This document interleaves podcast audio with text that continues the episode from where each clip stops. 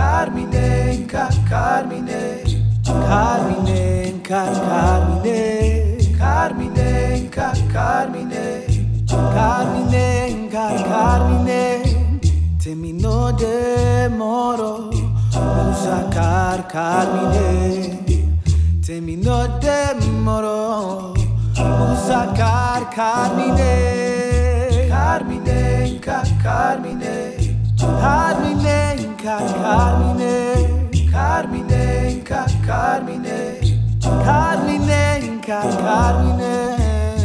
Welkom bij seizoen 3 van Tijd zal ons leren. Mijn naam is Romana Vrede. Mijn naam is Ocean. In deze vier afleveringen hebben we vier medewerkers van ons team uitgenodigd en vijf mensen uit ons publiek. Aan de medewerkers uit ons team hebben we gevraagd om een verhaal van een van de helden te adopteren die Ocean en ik in de afgelopen jaren hebben gevonden. En aan de mensen uit het publiek hebben we gevraagd een verhaal met ons te delen uit hun familiegeschiedenis. Onze gasten van vandaag zijn Emmy van Gennep en Oscar Bouwhuis. Emmy en Oscar. Oscar, kan je even vertellen wie je bent en waarom? waarom ik ben. ik ben Oscar, ik werk bij het Nationale Theater als storyteller. Ik doe voor dit project doe ik de marketing. Waarom ik ben? Ja, Dat vind ik wel een hele moeilijke vraag is het ook? Is het ook? Maar waarom ik hier ben, Ja. is omdat ik een verhaal ga vertellen. Oké, cool.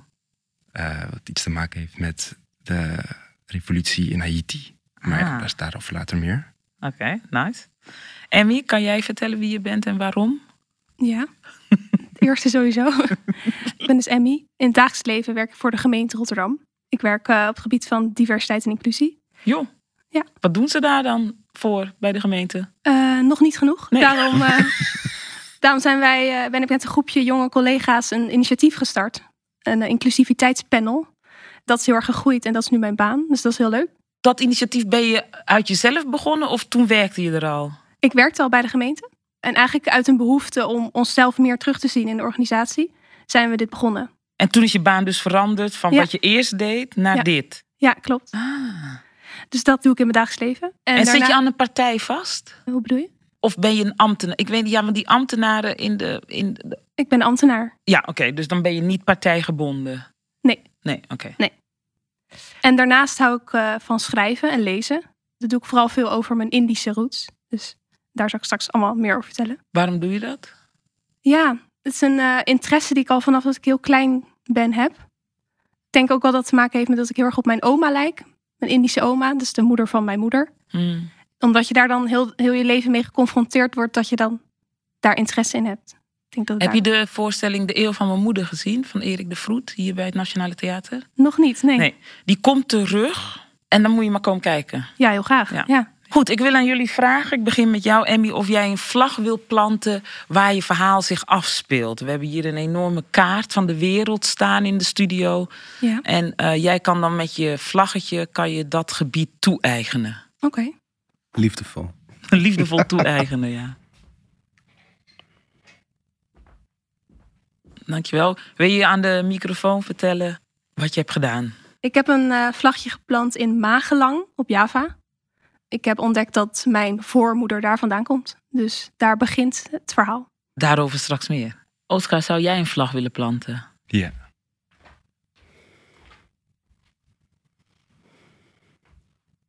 Er zat een gat daar. Ja, dat was ja zeker. Ja. ja. Ik heb mijn vlaggetje geplant op Haiti. Ja, er gebeurt iets wat nog nooit in de geschiedenis is gebeurd eigenlijk. Er zijn altijd er zijn wel opstanden geweest door de hele geschiedenis heen. Slavernij is ook door de hele geschiedenis heen wel een ding geweest. Niet op dezelfde industriële manier als in de 17e eeuw en de, de, transatlantische slavernij. Maar het bestaat al. Weet je, bij de Egyptenaren hadden het. In, in Afrika hadden ze een soort vorm van gedwongen arbeid. In Europa, in, in, in Azië. Maar hier, tijdens deze voodoo-ceremonie, wordt besloten om. En dan moet je je voorstellen, dit zijn mensen die dus altijd hebben geleefd in slavernij. Die zijn, die zijn geboren in slavernij. Die met z'n allen beslissen. In eerste instantie was het een groep van duizend man. Die beslissen, wij gaan onze witte overheersers aanvallen. Dus gecoördineerd over het hele eiland. Zonder mobiele telefoons of iets dergelijks. Weet je? Weet je, organisatorisch. Dat is wat me vooral ook ja, waar ik me gewoon over verwonderde. Hoe krijg je dat voor elkaar? Weet je, dat je, dat je, je zit in een maatschappij, bent niks anders gewend. En je beslist het iets te veranderen. Organisatorisch gaat iedereen. Iedereen heeft natuurlijk de grootste risico's. De risico's namelijk dat je dood gaat. Dat is in principe is de ergste risico's zijn er. Maar ze, ze, ze spelen het klaar. Dus op die 2 augustus vindt die, vindt die ceremonie plaats. In de nacht gaan duizend tot slaafgemaakte die vermoorden hun meesters. Dat verspreidt zich over het hele eiland. Het worden er 20.000. 20.000 die opstaan hun meesters vermoorden. Weet je, er zijn een half miljoen slaven op het eiland. Een heel, heel groot deel van die slaven die vecht mee. Heel veel mensen sterven.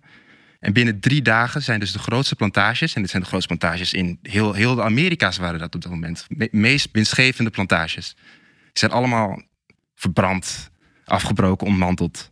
De witte mensen vluchten naar de hoofdstad. Die, die vluchten allemaal uit de plantages. En de gemengde mensen trouwens ook.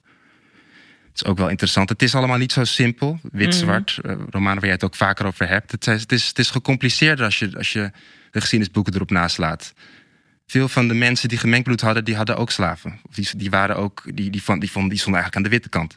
Sommige mensen die stonden aan de. Uh, die, die namen het op voor, of, voor de zwarte mensen, of in ieder geval voor de mensen die op het veld werkten. Dus het is, het is, dat, is, dat is gecompliceerd. Dan kom ik eigenlijk terecht bij, uh, bij Toussaint Louverture. Deze man werd geboren als slaaf op een plantage in, de, het, noorden van, in het noorden van Haiti. Of uh, Saint-Domingue toen, toen heette. Nou, zijn grootvader heette Gao Guinu. Ik weet niet of ik het goed uitspreek. Maar uh, die schijnt de zoon te zijn geweest van de koning van Alada. Een stad in het West-Afrikaanse Benin. Dat is overigens het Fon-volk. Je hebt daar Yoruba en Fon. Mm. Fon is misschien ook interessant. Dat waren eh, de Amazones. Hè, die komen daar vandaan. Benin, dat je de, de Fon uit Benin, dat, dat, die staan bekend omdat daar de Amazones, het vrouwelijke sterke leger, die super fearless waren daar. Hè. En, uh, dus daar is waar deze man vandaan komt eigenlijk. Nou, hij groeit op op een relatief milde plantage. Dus hij mag, hij mag lezen, hij mag leren schrijven. Hij leest veel literatuur. En rond zijn vijftigste koopt hij zichzelf vrij. Of hij komt op een gegeven moment vrij. Ik weet niet precies hoe hij dat heeft gedaan. Maar hij komt vrij hij had ook een bepaalde band met zijn meesters toen. Dus, dus hij bleef op die plantage. Weet je, de psychologie erachter is ook natuurlijk moeilijk om je daar iets bij voor te stellen. Hij, op een gegeven moment heeft hij ook wat bezit. Dus hij heeft zelf een paar plantages op een gegeven moment. Dus hij houdt zelf ook slaven. Dat is ook wel. Ja, hoe, hoe ga je daarmee? Je, hoe kan je, kan het niet. Ik weet niet. Het is toch lastig om daar. Uh, achter die psychologie daarvan. Te, uh, ja, om erachter te komen wat, wat daar heeft gespeeld in zijn hoofd. Maar ik krijg het idee dat hij echt een strategisch enorm slimme guy was. Die man, hij, had, hij, had zijn, hij wist precies hoe de organisatie werkte, of hoe de, hoe, de, hoe de maatschappij in elkaar zat. Hij zat op verschillende lagen, had die connecties. Hij had connecties in Amerika ook. Hij had allemaal verschillende bedrijfjes. En op het moment dat die revolutie dus uitbreekt, komt Toussaint Louverture in een moeilijke positie terecht. Want aan de ene kant is hij geboren in slavernij. Dus hij, hij weet wat dat is. Maar hij heeft inmiddels rijkdom vergaard. Hij heeft, een plant, zelf een beetje een plantage. Dus hij, hij, hij gaat ten eerste, ja, heel gek. Hij gaat terug naar de plantage waar hij is geboren. Om zijn meesters in eerste instantie niet per se te beschermen. Maar ik weet niet, ik weet niet precies wat hij daar doet. Maar hij gaat terug daar naartoe in eerste instantie. En naarmate de, uh, de revolutie verder gaat. Dus er worden, heel veel mensen worden vermoord op gruwelijke, ja, weet je, mensen gruwelijke wijze. Wordt dan altijd in de geschiedenisboek gezegd. Maar ja, hoe gruwelijk kan het? Ik bedoel, wat zijn, weet je, dat is natuurlijk relatief. Ik bedoel, ja, als er straffen staan, weet je, afhakken van ledematen en weet ik veel wat, verkrachtingen honderden jaren lang. Ja, als dit een soort payback is, ja, hoe, hoe gruwelijk, weet je, het zijn dezelfde technieken die tegen, hun, die, die tegen de tot slaafgemaakte werden gebruikt. Dus, en op een gegeven moment besluit hij van, nee, ik ga meedoen. Hij gaat dus, uh, hij laat alles achter. En hij gaat uh, het bos in naar een berg waar die. Uh, Oké. Ja. Hij gaat naar een Wat berg. gebeurde er op het moment, hè? Op Ja. dat moment dat De, die, de eh, switch. die switch. Ja, daar heb ik ook nog over nagedacht. Ik, ik weet het niet precies. Dat is, daar kan je over speculeren natuurlijk, wat daar gebeurt. Gaan we zo doen. Ja, ehm, wat, wat wel ja, gerucht is dat ja, hij, hij las dus heel veel. Weet je, hij kreeg uit heel veel ook, eh, weet je, ook toegang tot, tot veel Franse abolitionistische denkers uit die tijd. Hij leest een tekst van, eh, van ja, Jean-Jacques Rayon. Volgens mij, dat zijn dat zijn voornaam. Ik weet dat Rayon is zijn achternaam. Die schrijft eh, iets een tekst geschreven. eh, dat hij denkt dat eh, op een gegeven moment er een, een soort zwarte revolutionaire leider zou opstaan. Ze noemt hem de zwarte Spartacus. Mhm. Spartacus bekend uit de Romeinse tijd, ook weet je, slaafopstanden daar. En het zou kunnen, hè, dat is ook wat we misschien kunnen doen, is je, je bent een beetje aan het speculeren, maar het zou kunnen dat hij zich daaraan spiegelt. En dat hij denkt van, Misschien ben ik dat wel. Misschien ben ik dat wel. En hij gaat daar dus heen. En hij wordt daar de generaal. Ja, ik had al eerder gezegd, hij, is, hij, weet, hij heeft zichzelf vrijgekocht. Hij weet, ja, gewoon, weet je, organisatorisch is het een genie. Dus die man is, in deze tijd zou hij misschien ja, ook wel een soort, ja, zeker een soort CEO kunnen zijn van een heel groot bedrijf. En, en, en waarin ook, uh, weet je, hij kan bepaalde afwegingen maken op, je, op een hele rationele manier, maar op een hele effectieve manier ook. Hij kan, dus het, hij, wordt daar, hij kan het spel spelen. Precies, hij speelt het spel. Hij, kan, hij wordt daar dus de aanvoerder van, dat, van het rebellenleger eigenlijk. En hij wint veldslagen ja, tegen de Fransen daar. Hij, weet je, ze, nemen ze, ze nemen ze gevangen. Maar hij volgt ook de codes van, soort van de internationale geopolitieke regels. Weet je, hij, is, hij, hij, weet, hij is het man van de wereld. Hij weet hoe, die, hoe, dat, hoe dat gaat. Geopolitiek gezien ook.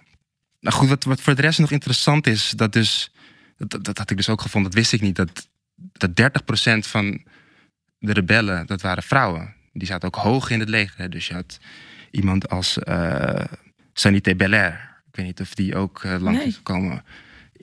Super interessant. Dat is een vrouwelijke generaal. Die zat, was een van de hoogste generaals ook. Weet je, de meeste mensen kennen wel Dessalines en zo. Maar, uh, maar Sanité Belair, die uh, nou, gewoon een ongelooflijk dappere strijder was dat. Die ook toen zij gevangen werd genomen. Toen eiste ze dat ze niet werd opgehangen. Want dat, dat, dat deden ze dan met vrouwen. Maar ze wilde gewoon, zoals iemand uit haar, uit, uit haar rang... met de vuurpeloton worden neergeschoten. Dat is toen ook gebeurd. Maar daar, daar stond ze op. En ook geen blinddoek. En uh, de man die schijnt, die, die stond aan de zijkant gewoon... die was natuurlijk helemaal beduust. Was aan het huilen. En toen nou ja, wilde de overlevering, die zegt dat zijn die man in zijn, in zijn gezicht heeft geslagen en gezegd heeft van, weet je, wees blij dat je kunt strijden voor de, of, dat je kunt sterven voor de vrijheid. Nou goed, dat soort, dat soort verhalen. Het is, het is, het is, het is te mooi maar het oh my god, ja, die Ja. vrouw wil ik zeggen. Ja. Maar je moet je ook voorstellen, dus inderdaad, als je dan ook, je, ja, Toussaint Louverture, weet je, zijn roots, weet je, Benin, de Fon, de Amazones, dat zijn, dat zijn uh, ongelooflijk dappere strijders die ja, gewoon. Die, die, die mensen die konden gewoon de Europese legers verslaan. Het was ook een, een, een, intelligentie die vaak wordt weggelaten alsof het een soort van wilde waren die maar wat deden. Het was ongelooflijk strategisch. Die met hakmes en houwels op Met een gegeven moment op de witte gingen wilde- inhakken. Precies. En, en, maar je moet, dat is niet hoe het ging. Maar hij zegt eigenlijk tegen zijn mensen van ja, jullie moeten het veld weer in. We moeten economisch moeten we hier tegen, we moeten ons kunnen verzetten hiertegen.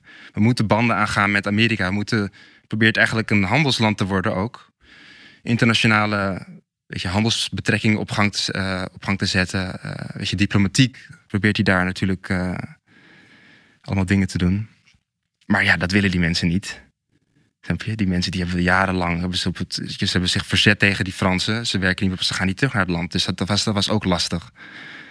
Ja, wat hij dan ook nog doet, dat het ook nog een beetje dubieus is, dat hij dan zich op hij, hij, benoemt zichzelf, want hij voert in zekere zin de slavernij dus ook weer in. Dan denken we, oké, als, het, als het niet goed schiks gaat, moet het kwaadschiks. We moeten, we moeten een economische macht worden.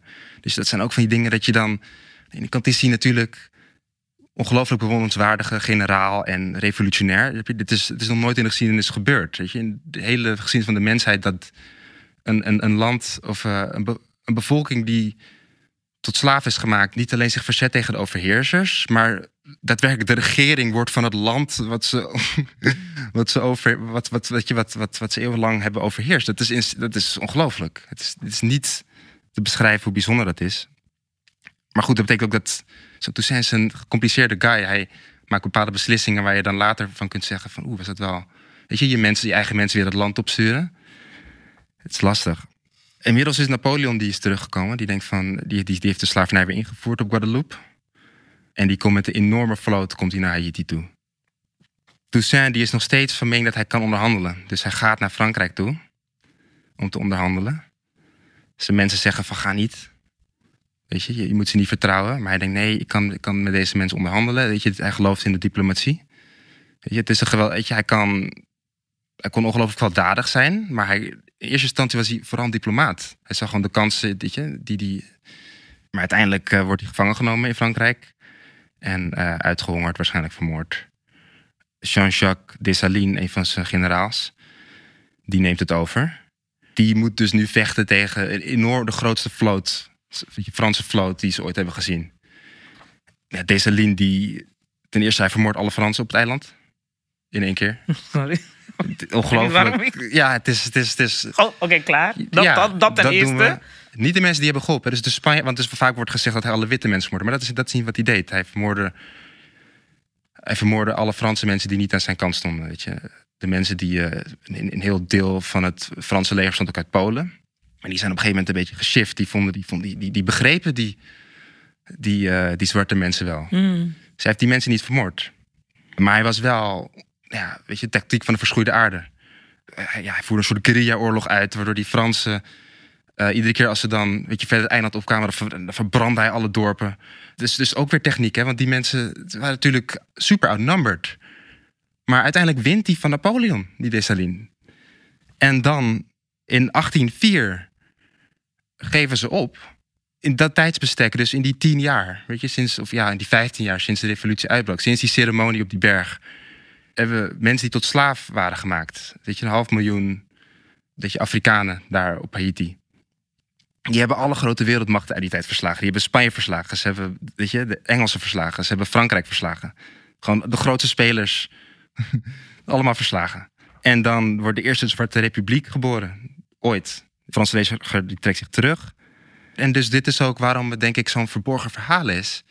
Het is natuurlijk eh, het is een heel bijzonder verhaal, maar toen al was het zo dat in de omringende landen, waar slavernij nog, weet je, Amerika, daar was het nog aan de gang. Veel van die erge, ja, van die, weet je, de meest vrede Franse ja, kolonisten, die vluchten naar Louisiana en dat soort dingen. Die gingen daar verder. Weet je, alle vrederingen die ze deden op Haiti. Maar die mensen daar die wilden niet weten. Die, die, die wilden natuurlijk niet dat uitkwam wat daar gebeurd was. Er werd een grondwet geschreven. Dus in 1804, waar, waar Toussaint ook aan heeft gewerkt. En daar stond in dat je niet mag, dat je niet mag discrimineren op basis van ras. Of op basis van huidskleur, bedoel ik. Dat zou in, in Amerika zou dat pas in de jaren 60 van de, van de 20ste eeuw zou dat. Weet je, dat is, in- dat is 150 jaar later zou dat Ja. pas gebeuren in de rest van de wereld. Ja, ze moesten die kennis, ze moesten dat, ze moesten dat verhaal, dat moest, dat moest niet bekend worden natuurlijk. Dus ja, Haiti, dat is altijd bekend als enge mensen die daar wonen, voodoo, enge, weet je, vreed of zo, weet je, arm, eh, ik weet niet, dat zijn alle, Nog steeds nog eigenlijk. steeds, nog steeds. En, en wat Dessalines, die is toen dus, die, die, die leeft nog, die, die, die heeft eigenlijk die Franse staat, of eh, die, eh, die Zwarte Staat, eh, die Zwarte Republiek gesticht. Die voerde ook in. Dus op dat eiland, het was dus een mix van mensen. Het was er zwarte mensen, gekleurde mensen, die ook, weet je, witte mensen die nog waren overgebleven. De oorspronkelijke bewoners die daar nog waren. eh. En het was natuurlijk altijd een maatschappij geweest op basis van rang, weet je, op basis van kleur. Ieder, iedere, iedere, voor iedere kleur, weet je, ieder, ieder, weet hoeveel zwart bloed er, weet ik veel, in een lichaam was. Er was weer een nieuwe rang en wat je daarvoor mee mocht. En hij zegt eigenlijk, iedereen, dat je ook, iedereen is nu zwart. Ook alle witte mensen. Snap je? Zwart was altijd het laagste. Nu zijn jullie allemaal zwart. Iedereen die op Haiti nu over is, is allemaal zwart. Er zijn, dat is de enige etniciteit die telt. Snap je? Dat is toch revolutionair? In de soort van Ja. 1805 of zo verzint hij dat. Maar goed, dit verhaal, wat ik al zei, het is, het is ondergesneeuwd. Het, is, het heeft niet mogen worden verteld. In 1825 komt het Franse leger op weer terug. En die zegt van, we gaan jullie nu... eh, we hebben allemaal verlies geleden. Doordat jullie nu onafhankelijk zijn. We hadden, we hadden die plantages. We leggen jullie een boete op van 91 miljoen frank. En als jullie niet betalen, dan komen we jullie aanvallen. Ja, in die tijd was Haiti niet in staat om, denk ik, oorlog te voeren. Dus ze zijn akkoord gegaan. En die boete is dus pas afbetaald in eh, 1947. Ja. Dus dat is, toen was de Tweede Wereldoorlog al bezig. Toen waren ze nog steeds aan het betalen. Dus het land is natuurlijk arm gehouden. Ik weet niet, ik vind het een heel interessant verhaal. En eh, ik merk ook dat ik mijn eigen beeld van Haiti, dat dat ook natuurlijk heel erg beïnvloed is. Weet je, weet je voordat ik hierover, voordat ik me hierover ging verdiepen. Hè. Want wat was je beeld van Haiti? Ja, ik weet niet. eh, mijn moeder, die is ook, ook Surinaams. eh, die leerde er wel over op school, zei ze. Paruba is zij opgegroeid, in de je. Maar het was altijd een soort van, het waren opstandelingen hè, dat daar gebeurde. En ja, het is allemaal eng. Weet je, voodoo is weet je, maar, weet je, enge dingen. Het is allemaal, het is ook, ja, het zijn allemaal van die stereotypen dat het daar toch een beetje eng is wat daar gebeurt. Ja. En op een of andere manier is dat ook de eerste connotatie die ik had Ja, bij Haiti. Weet je, je moet, dat is een gevaarlijk, weet je, het is een gevaarlijk land, het is eng. ja. Terwijl Dus zelfs is- die, dat narratief leeft gewoon nog steeds door, inderdaad. Ja, ja. Ik ben opgegroeid ook met mijn moeder die tegen mij zei... nou, die Louverture was ook niet... poeh, dat was ook niet... eh, die was heel wreed, heel wreed. ja, ja, ja, Ik ben opgegroeid met die Haitianen, die zijn wreed en die zijn eh, eng. En dat is nog de kolonisatie van, van de mind. Ja. ja, Om dat verzet te bagatelliseren, klein te houden, futiel te maken. eh, Terwijl het ook niet alleen een prestatie is voor, ja, ik veel, zwarte mensen of whatever. Het is een prestatie voor, de mensheid. Ik bedoel, je, moet- weet je wat, toen ik het gisteren nog allemaal een beetje teruglas. Ja, wat ik al eerder heb gezegd, gewoon het feit dat je vanuit een positie, vanuit een maatschappij, die is zoals die is. Je denkt dat het nooit gaat veranderen. Je bent in slavernij opgegroeid. Mensen hebben, zijn nog nooit echt vrij geweest. Veel van ze zijn, die kennen dat niet. Maar toch die drang hè, om vrij te zijn. Dat ze dat gewoon voor elkaar spelen. En een drang van vrijheid die je niet bij je ouders hebt gezien, niet bij je grootouders. Niet alleen jij bent geboren in slavernij, maar ook je ouders zijn geboren in slavernij. En toch weten, dit kan het niet zijn. Dat is inderdaad een les voor de mensheid. Wat wij voor vanzelfsprekend aannemen, alle ellende, zo is het nou eenmaal. Zo vanzelfsprekend is dat niet. Nee, nee. En in verzet komen tegen racisme, seksisme, weet ik veel, milieuactivisme. Dat is waar de intuïtie ligt. Dat is hetgene wat je, wat je mag volgen. Ja, en nog een andere les die ik eruit haal is dat de wereld die wij zien aan elkaar hangt van narratieven die, die door bepaalde mensen in posities van macht zijn gecreëerd. En dat je dus al in de geschiedenis kan zien dat er dus een bepaalde effort wordt gedaan om mensen niet te empoweren met de verhalen van possibilities die, je- die er zijn. Nog steeds. En ik denk dat dat, Nog dat, dat, nog, dat dat niet veranderd is. En ik denk, als ik het dan zo hoor, ik vind het ook heel fijn hoe je dat ook soort van schetste van... Die mensen mochten natuurlijk niet weten... Want als wij empowerment zien bij een ander... dan denken van, oh, dit kunnen wij ook. En ik vind het... Dat is wel een soort van reminder van... oh ja, wat, wat zijn de narratieven die ons wereldbeeld schetsen? Ook omdat... En, wie, en, wie heeft, en waar komen die narratieven vandaan? En hetzelfde dan. Dan heb je dus een beeld van Haitianen of stads-Surinamers hebben een beeld van Bosland Creolen. En dan duik je de geschiedenis in en dan merk je eigenlijk dat altijd de mensen die in opstand zijn gekomen, die de status quo wilden veranderen, door de macht zijn gedemoniseerd. En dat het gewoon vijf generaties later nog steeds iets kan. Ja, eigenlijk is dat dus gewoon een heel goed, eh, goed haakje. Zodra je ziet dat iemand eh, wordt eh gedemoniseerd of, of kwaad over wordt gesproken, terug wordt gezet, dan kan je je afvragen Duik tot het verhaal in. Daar zit verhaal achter. Ja, challenge je eigen narratief. En ik vind heel goed wat je zegt van voed jezelf ook met bepaalde narratieven.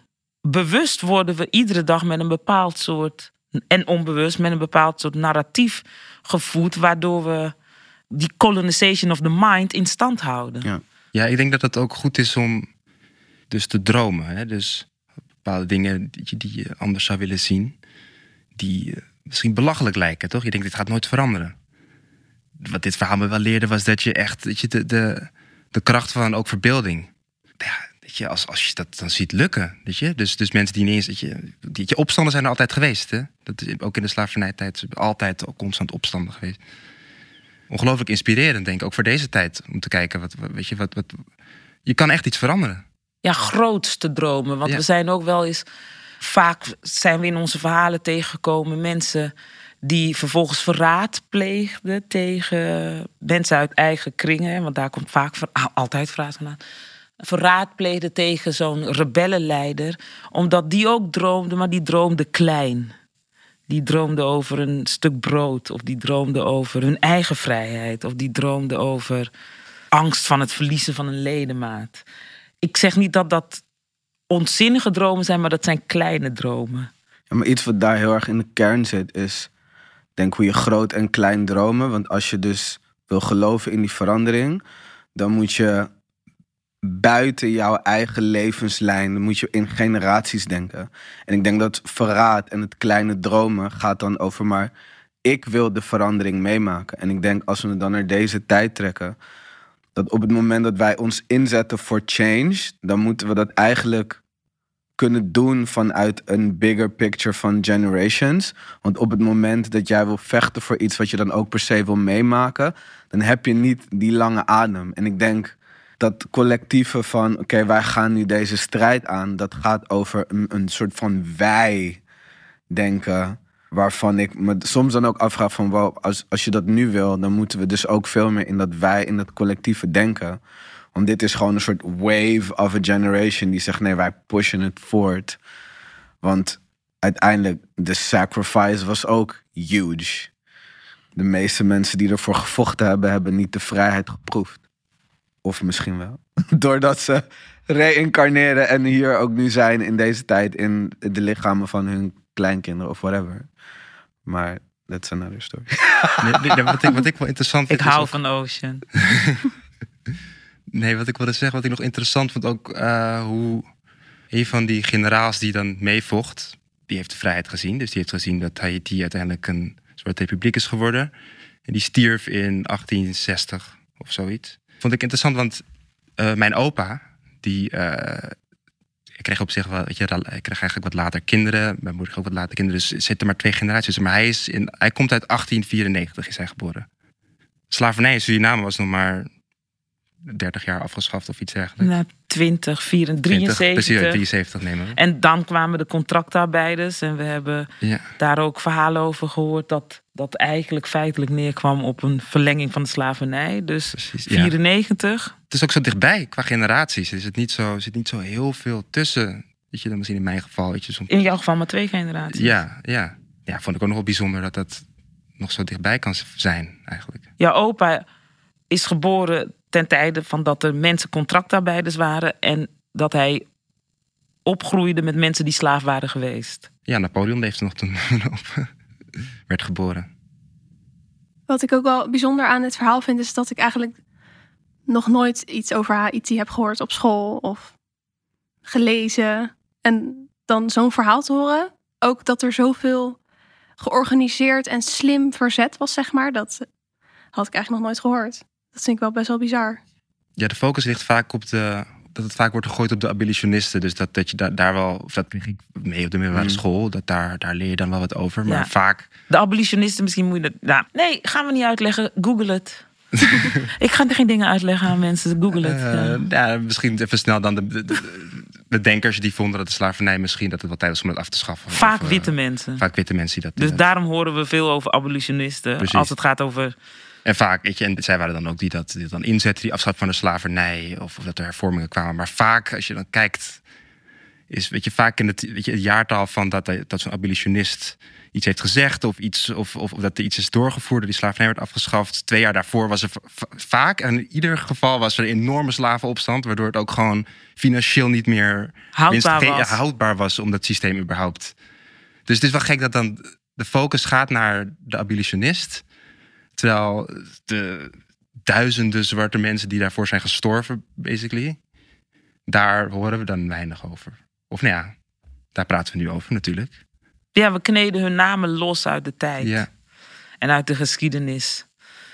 Want ze zijn een beetje verstopt geraakt. En als je die namen even loskneedt als een knoop, dan komen nu dit soort verhalen los. Maar dat wil dus zeggen dat zelfs de mensen die de huidige geschiedenis boeken voor educatie, dat er toch ergens de gedachte is dat op het moment dat je mensen leert dat ze vanuit een vrijgevochten eh, geschiedenis komen, dat je dan iets anders stimuleert in mensen dan als je zegt.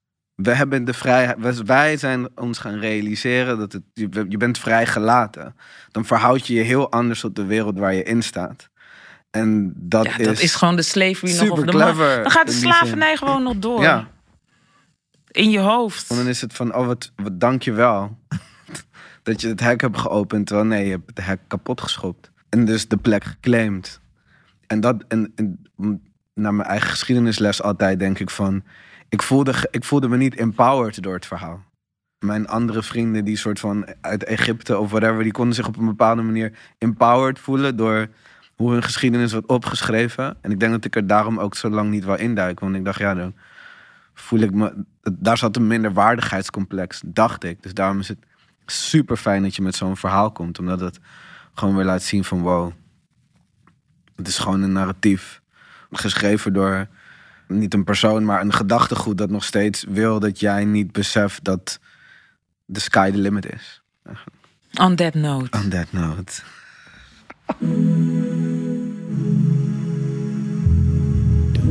Ze zijn van onschatbare waarde. Die verhalen laten zich vertellen door de bloedlijn te volgen. Op de sporen, familiebanden lijmen. Spreek de namen uit en laat ze rijmen. rijmen. Klinken, door de ruimte zingen. Oren open en herinneringen stromen binnen. We zijn dankbaar voor alle verhalen die we vinden. Ze zijn van onschatbare waarde. Die verhalen laten zich vertellen door de bloedlijn te volgen. Op de sporen, familiebanden lijmen. Spreek de namen uit en laat ze rijmen. Klinken door de ruimte zingen.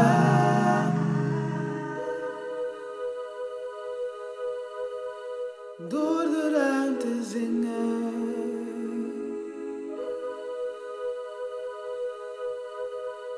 Emmy, mag ik aan jou vragen of jij je verhaal met ons wilt delen? Ja, zeker. Nou, eigenlijk krijg ik al heel mijn leven te horen van dat ik heel erg op mijn oma lijk. Mijn oma komt dus uit voormalig Nederlands-Indië. En het is de moeder van mijn moeder. En ik krijg ook heel vaak de vraag van waar kom jij nou echt vandaan? Dan zeg ik Rotterdam. En dan zeggen mensen, ja, maar waar kom je echt vandaan? Dus op een of andere manier ben ik altijd wel heel erg bezig met waar kom ik dan vandaan. Maar in mijn familie werd er wel best wel weinig over gesproken. Je hoort wel vaker dat Indische families dat er niet zoveel wordt gesproken over de familiegeschiedenis. Nou, dat was bij ons ook. Ik denk dat ik zo rond 16 of zo was dat ik zelf wel heel erg interesse erin kreeg. Dat ik er zelf onderzoek naar ben gaan doen. Dus ik ben naar bibliotheken gegaan, ik heb gegoogeld, ik heb veel boeken erover gelezen. En steeds kreeg ik meer een puzzelstukje van hoe dat familieverhaal in elkaar zit. En nou ben ik afgelopen zomer kwam ik in aanraking met een uh, programma voor Indische jongeren. Dat heet Tracing Your Roots. Met dat programma ga je je stamboom onderzoeken. Dus je gaat echt uh, online archieven in. Het was nog tijdens corona, dus wij deden alles wel online. Maar je kan ook de echte archieven in. Maar dat hebben wij dus niet gedaan. En daarnaast kregen we ook heel veel gastcolleges van gastsprekers over de Indische geschiedenis en over ja, allerlei uh, dingen die daar zijn gebeurd die ik ook nog niet wist. Eigenlijk is iedereen een beetje op zoek naar zijn voormoeder. Dat is namelijk de eerste uh, Aziatische vrouw die in de familie is gekomen. En heel veel mensen lukt het niet eens om die voormoeder te vinden, want dat is best lastig. Maar ik had het geluk om dat wel uh, te vinden. Ik heb een naam gevonden het verhaal ging altijd dat mijn voormoeder, in de familie ging dat verhaal, het was wel een beetje via via doorgegeven, dus wisten sowieso niet zo goed wat er van waar was. Maar het verhaal was dat zij een baboe was. En een baboe was een soort, ja, soort een vrouw, een bediende die in, in het huis woonde van uh, Nederlandse witte mensen. Dat zij zwanger is geraakt van de Nederlandse kneelsoldaat die daar woonde. En dat ze op die manier in de familie is gekomen. Dat was het verhaal. Maar toen ontdekte ik haar naam ook haar achternaam. En dat was heel, sowieso ongebruikelijk, want Aziatische vrouwen in die tijd hadden niet echt een achternaam. Uh, of ja, dat werd hen niet gegeven. Maar ja, mijn voormoeder had dus wel een achternaam. Ze heette Radikem Chicho Recho. Een hele indrukwekkende naam. Ook uh, was ongebruikelijk dat ik ook nog de namen van haar ouders heb uh, gevonden. En dat was Radimin Chicho Recho en Radina. Toen werd mij ook verteld dat de naam Raden, of en alles wat daarvan afkomt, dat dat een adellijke titel is. Dus dat waren sultans vroeger in die tijd in Indonesië. Daar stond ik wel van te kijken, dat wist ik niet. Dus het verhaal gaat dat de sultan, die had allerlei vrouwen, dat uh, was gebruikelijk. En een van die vrouwen, daarmee heeft hij een kind gekregen, Radikem, en dat is dus mijn voormoeder. Ja, zo kwam ik er dus achter dat zij dus daarvan afstanden en helemaal niet een baboe was. Wat best wel apart is, want eigenlijk gebeurt het juist vaak andersom in Indische families. Uh, in Indische families worden vaak hele sterke verhalen opgehaald van wie de voormoeder zou zijn geweest. Wordt ook vaak gezegd dat ze uit Frankrijk kwam of Italië, omdat het niet. Ja, het was min, je was minder in aanzien als je een Indische familie was in plaats van helemaal Europees. Dus vaak werden sterke verhalen opgehaald, of dus dat je eh, uit Europa kwam, of dat je voormoeder adellijk was. En dat het eigenlijk helemaal niet zo is. Maar in mijn geval was het dus andersom. Dus dat was wel interessant. Vooral ook omdat ik toen later met mensen erover ging praten. En dit verhaal vertelde. En ze me een beetje ongelooflijk aankeken van... klopt dat wel? Ik zo, ja, het is echt zo, want die naam. ja, dat is heel interessant. En ik heb ook wel meer over haar ontdekt. Over haar leven. Zij is namelijk op haar 25ste... Uh, heeft het eerste kind gekregen met een Nederlandse kneelsoldaat. Ze zijn toen niet getrouwd. Ze hebben, eerst zes kinderen gekregen later, toen die man met pensioen ging en hij weer naar Nederland wilde, is hij met haar getrouwd. Omdat hij haar dan mee kon nemen naar Nederland. Maar dat vind ik best wel bizar dat je zo, ja, dat zij dus zes kinderen heeft gekregen, niet getrouwd was, ook geen rechten had over die kinderen. En al die kinderen die zijn ook naar Nederland gestuurd zodra ze uh, de leeftijd hadden waar ze naar school konden. Uh, zijn ze allemaal naar Nederland gegaan om daar op kostscholen te zitten. Ook dat je helemaal geen zeggenschap over je kinderen hebt, dat vond ik ook wel bijzonder uiteindelijk zijn ze dus naar Nederland gegaan toen haar man met pensioen ging. Maar zij kon niet aarden in Nederland. Dus is zij naar Spanje gegaan en daar is ze uiteindelijk overleden. En dat was ook pas vijf jaar nadat ze getrouwd was met hem. Dus ze is uh, niet zo oud geworden. Dat allemaal vond ik wel heel uh, bijzonder en wist ik ook niet. Ik vind het ook wel belangrijk om erover te praten, omdat in mijn familie wordt, ook, is er ook, wordt er niet over gesproken. Maar mensen vinden het wel interessant. Dus als ik ze het vertel, dan vinden ze, wel, uh, vinden ze het wel interessant om te horen ik vind ook wel een, als ik zo terugkijk en denk aan haar, denk wel dat ze een hele dappere vrouw was, omdat ze zo uh, zoveel dingen haar zijn gebeurd, denk ik. Hmm. Al kan je daar niet echt een voorstelling van maken. Maar... Weet je hoe ze bij haar ouders weg is gehaald en op een gegeven moment in het huis van die kneelmilitair is gekomen? Nee. Want ze was dus toen al, was ze toen 24? Ze was 25 toen ze het eerste Daarom kreeg. dus hoe ze in zijn huis is terechtgekomen en uh, bij de ouders vandaan is gehaald? Nee, ik heb of daar is echt gegaan? Of... Ik heb daar geen idee van, nee. nee. Wat denk je? Nou ja, ik weet wel dat die man, dat was wel een hoge kneelsoldaat of generaal of iets. Ik kan me zo voorstellen dat hij misschien een keer in zo'n gemeenschap was, zo'n koninkrijk. En dat hij haar had gezien en haar leuk vond of zo en haar mee wilde nemen. Zoiets kan ik me voorstellen. Ja, Denk je dat die zes kinderen, die waren dus zodra ze ja, wat konden praten, zijn ze naar Nederland gestuurd? Ja. En waar ken je die zes kinderen? Nou, één daarvan is de moeder van mijn oma. Ja. En daarvan uh, heb ik begrepen dat zij was vier toen ze naar Nederland ging. Uh, toen heeft ze op een kostschool gezeten. En ook dat toen ze weer terugging naar uh, Nederlands-Indië, dat ze eigenlijk helemaal niet zo goed meer tegen de hitte kon en tegen tegen het klimaat daar. En dat ze, het, dat ze altijd heel erg met heimwee over Nederland juist sprak. Omdat ze, dat, dat ze daar eigenlijk was opgegroeid. Ja. Ik heb ook het verhaal gehoord dat zij uh, niet hele goede verhalen had over haar vader. Dus die kneelsoldaat. Dat, dat schijnt een hele strenge man te zijn geweest. En daar had ze helemaal geen herinneringen of warme gevoelens aan. En heeft ze toen ze voor een poosje terugging naar Indië, heeft ze toen haar moeder gezien? Ja, dat denk ik wel, ja. Maar uiteindelijk is zij dus ook wel weer in Nederlands-Indië gaan wonen. Oh, uiteindelijk wel? Ja. En daar is mijn oma geboren ook. Ja, ja. Ja. En sommige kinderen niet. Die zijn uh, in Nederland uh, gaan wonen en daar uiteindelijk uh, ja, gewoon gaan leven. En de andere kinderen die zijn daar in Nederlands-Indië gaan wonen en leven. Teruggegaan eigenlijk. Ja. Heb je contact met die zes takken van je familie? Nee, eigenlijk bijna niet. Alleen de jongste dochter van die Radicam, die, via haar heb ik dit verhaal gehoord. Dat heb ik online gevonden. Dus ik, ik wil haar nog een keer met haar gaan afspreken. De jongste dochter van die Radicam, dat is een tante van jouw oma. Ja, en daar een kind van bedoel ik. Ja, ja, ja. precies. Ja, oké. Okay, ja. Dus uh, er zijn en waar woont zij? In Nederland, maar ik weet niet uh, waar precies. En het is ook zo, ik heb zelf ook mijn oma nooit gekend. Want die was al overleden voor ik was geboren. Ja, die is geboren in. Uh, ja. ja, hoe noem jij het? Jij zegt Nederlands-Indië. Ja, voormalig Nederlands-Indië. Maar weet je waar precies? Eh, mijn voormoeder komt van Java. Java. En jouw oma die is geboren in Java? Nou, zij is niet geboren in Java, want ze reist te veel. Oh. Dus zij is uiteindelijk op een ander eiland geboren. Ja. Alle kinderen zijn op andere eilanden geboren. Ja, ja. En toen jouw voormoeder dus, hoe heet ze ook alweer? Radikem. Radikem, Ja. naar Nederland kwam met die kneelmilitair, Ja. is ze hier maar vijf jaar gebleven. ja, en waarschijnlijk niet zo heel lang in Nederland, want ze kon dus niet aardig. precies. Ja. Vijf jaar in Europa, maar maar kort in Nederland. Weten niet hoe lang. En het verhaal gaat ook dat zij aan de Spaanse griep uiteindelijk is overleden in Spanje. Maar zij komt samen met die kneelmilitair. Ja, ik weet niet. Ja, haar man, want ze waren inmiddels getrouwd. Kwam ze hier. Ja. En wat gebeurde er toen? Geen, ja, hij ging met pensioen.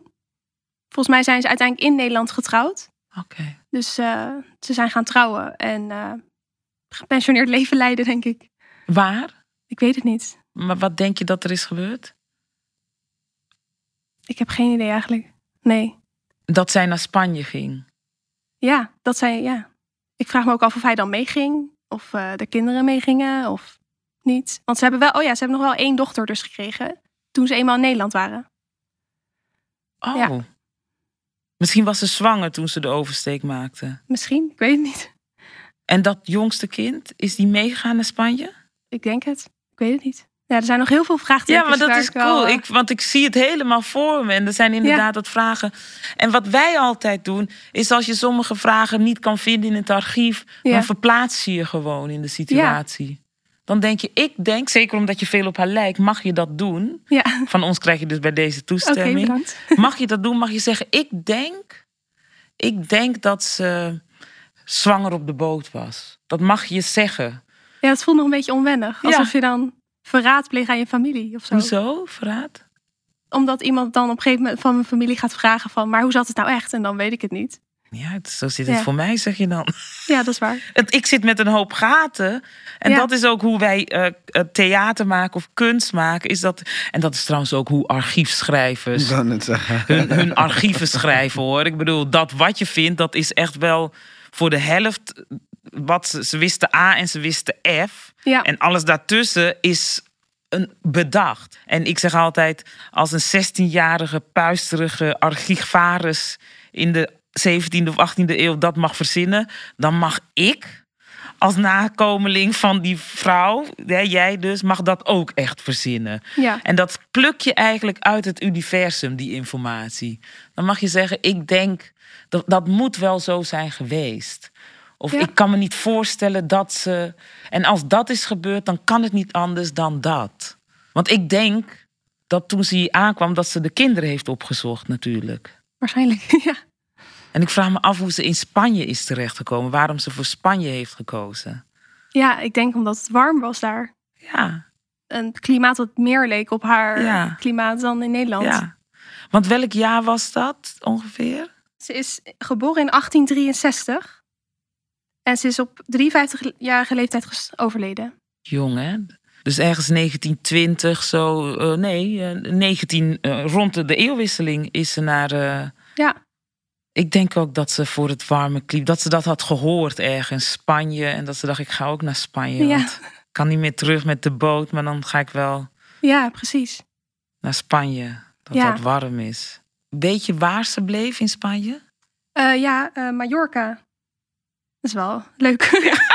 ja, lekker een eiland. Goeie plek. Ah ja, Mallorca. En Aan de waar, andere kant, waar bleef ze? Bij wie? Of met wie?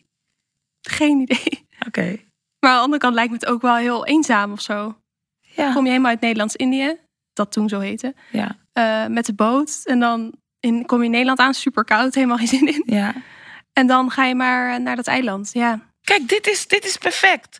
Dat je je voorstelt dat ze eenzaam is. Ik denk dat je gelijk hebt. Ja, Ik denk dat ze even ontheemd was, kwijt was. Of van wat doe ik hier? Waar moet ik nou naartoe? En, dat ze, en dan op een eiland in Mallorca. Ik denk dat, dat die eenzaamheid, dat dat, dat dat... Tenminste, als ik het je hoor vertellen, heb jij Ja. dat niet?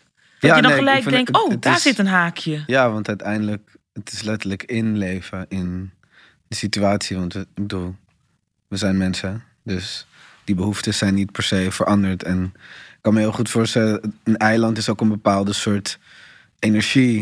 Een Mhm. bepaalde soort herkenning van water, dicht bij water zijn, water om je heen hebben. En je zoekt toch naar iets wat familiar is. Het kan ook zijn dat er dan iets ook in de cultuur is wat je thuis laat voelen. En, Ja. ehm, en het is zo mooi om jezelf daardoor ook. Want het is niet dat je het verhaal per se toe-eigent, maar omdat, je kan, omdat de ik die denkt, is letterlijk de ik die van haar komt en die nog steeds in deze tijd soort van voortleeft als jij. Dus ik denk, dat is ook denk wat Romana soort van op aanstuurt van je bent al eigenlijk onderdeel van het verhaal. Dus je mag best meedenken en meevoelen. En weet je ook, want je zegt het, eh, veel wordt gezegd dat je op je oma lijkt. Weet je ook wat er dan specifiek lijkt? Of wat, wat, zeggen, wat zeggen de mensen die dat zeggen dan? Nou, sowieso qua uiterlijk.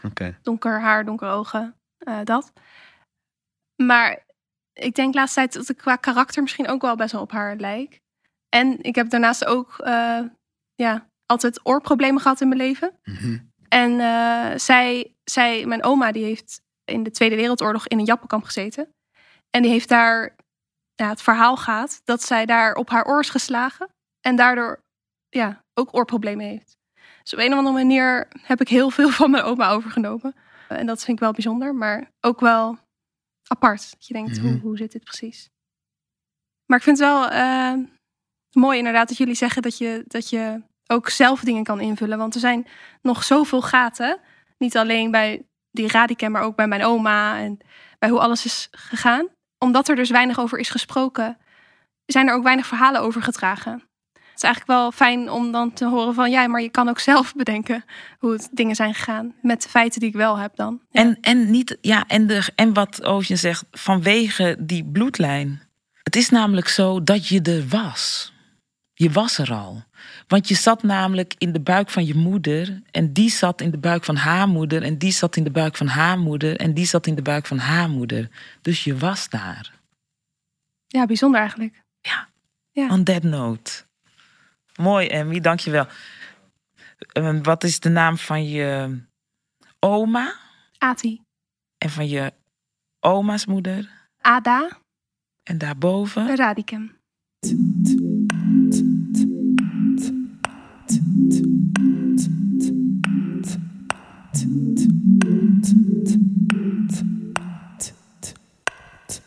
Toen ik mezelf verloor in de achterliggende gedachten, tikte het verleden op mijn schouder. Ik keek om en stond oog in oog met ooit. Zij danste met me tot alle tijdlijnen cirkels werden. En toen was er alleen maar midden, alleen maar hier. Vrij. Vrij van al die momenten, ogenblikken, eeuwigheden, fracties van secondes verstreken, voorbijgevlogen, verloren gegaan, stilgestaan. Ik erken de getikte tijd. Ik hoor het ritme van de verhalen en laat mijn hart het gefluister van mijn voorouders vertalen.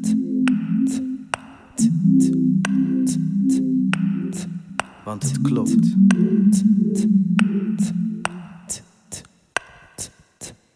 Ik ben op tijd, ik heb alle tijd. Binnen de tijd, in de tussentijd, vind ik de waarheid. En dan bevriend ik de tijd, dus wacht niet op mij. Stap in de tijd, anders vliegt de tijd voorbij. Tijd voorbij. Ik ben overal en nergens met mijn ogen dicht. Tijd brengt alles aan het licht. Cyclus van het leven blijft maar draaien en herhalen. Dezelfde verhalen, oude zielen, andere talen. Glorieuze levens en ook levens vol met lijden. Ik voel het in me stromen, want ik ben van alle tijden. 23 maart gaat mijn moeder naar Schiphol. Terug naar Suriname. Ze zit in een rolstoel en aan de zuurstof. Een half jaar geleden is ze opgenomen op de intensive care vanwege longembolie. Ze was toen vier dagen geleden daarvoor geland voor vakantie bij ons in Nederland. Maar Suriname heeft gisteren het luchtruim dichtgegooid. En deze gisternacht is ze met de ambulance naar het Erasmus gebracht. En nu ligt ze aan de, aan de beademing. Eergisteren schreef ik dit. Gisteren is zij gestorven. Volgende week vliegt haar lichaam terug met een repatriëringsvlucht naar Suriname. Maar Suriname houdt het luchtruim dicht. 23 april is ze begraven in Nederland. Alles lijkt een verfilming van een boek van Murakami. Tijd loopt door elkaar.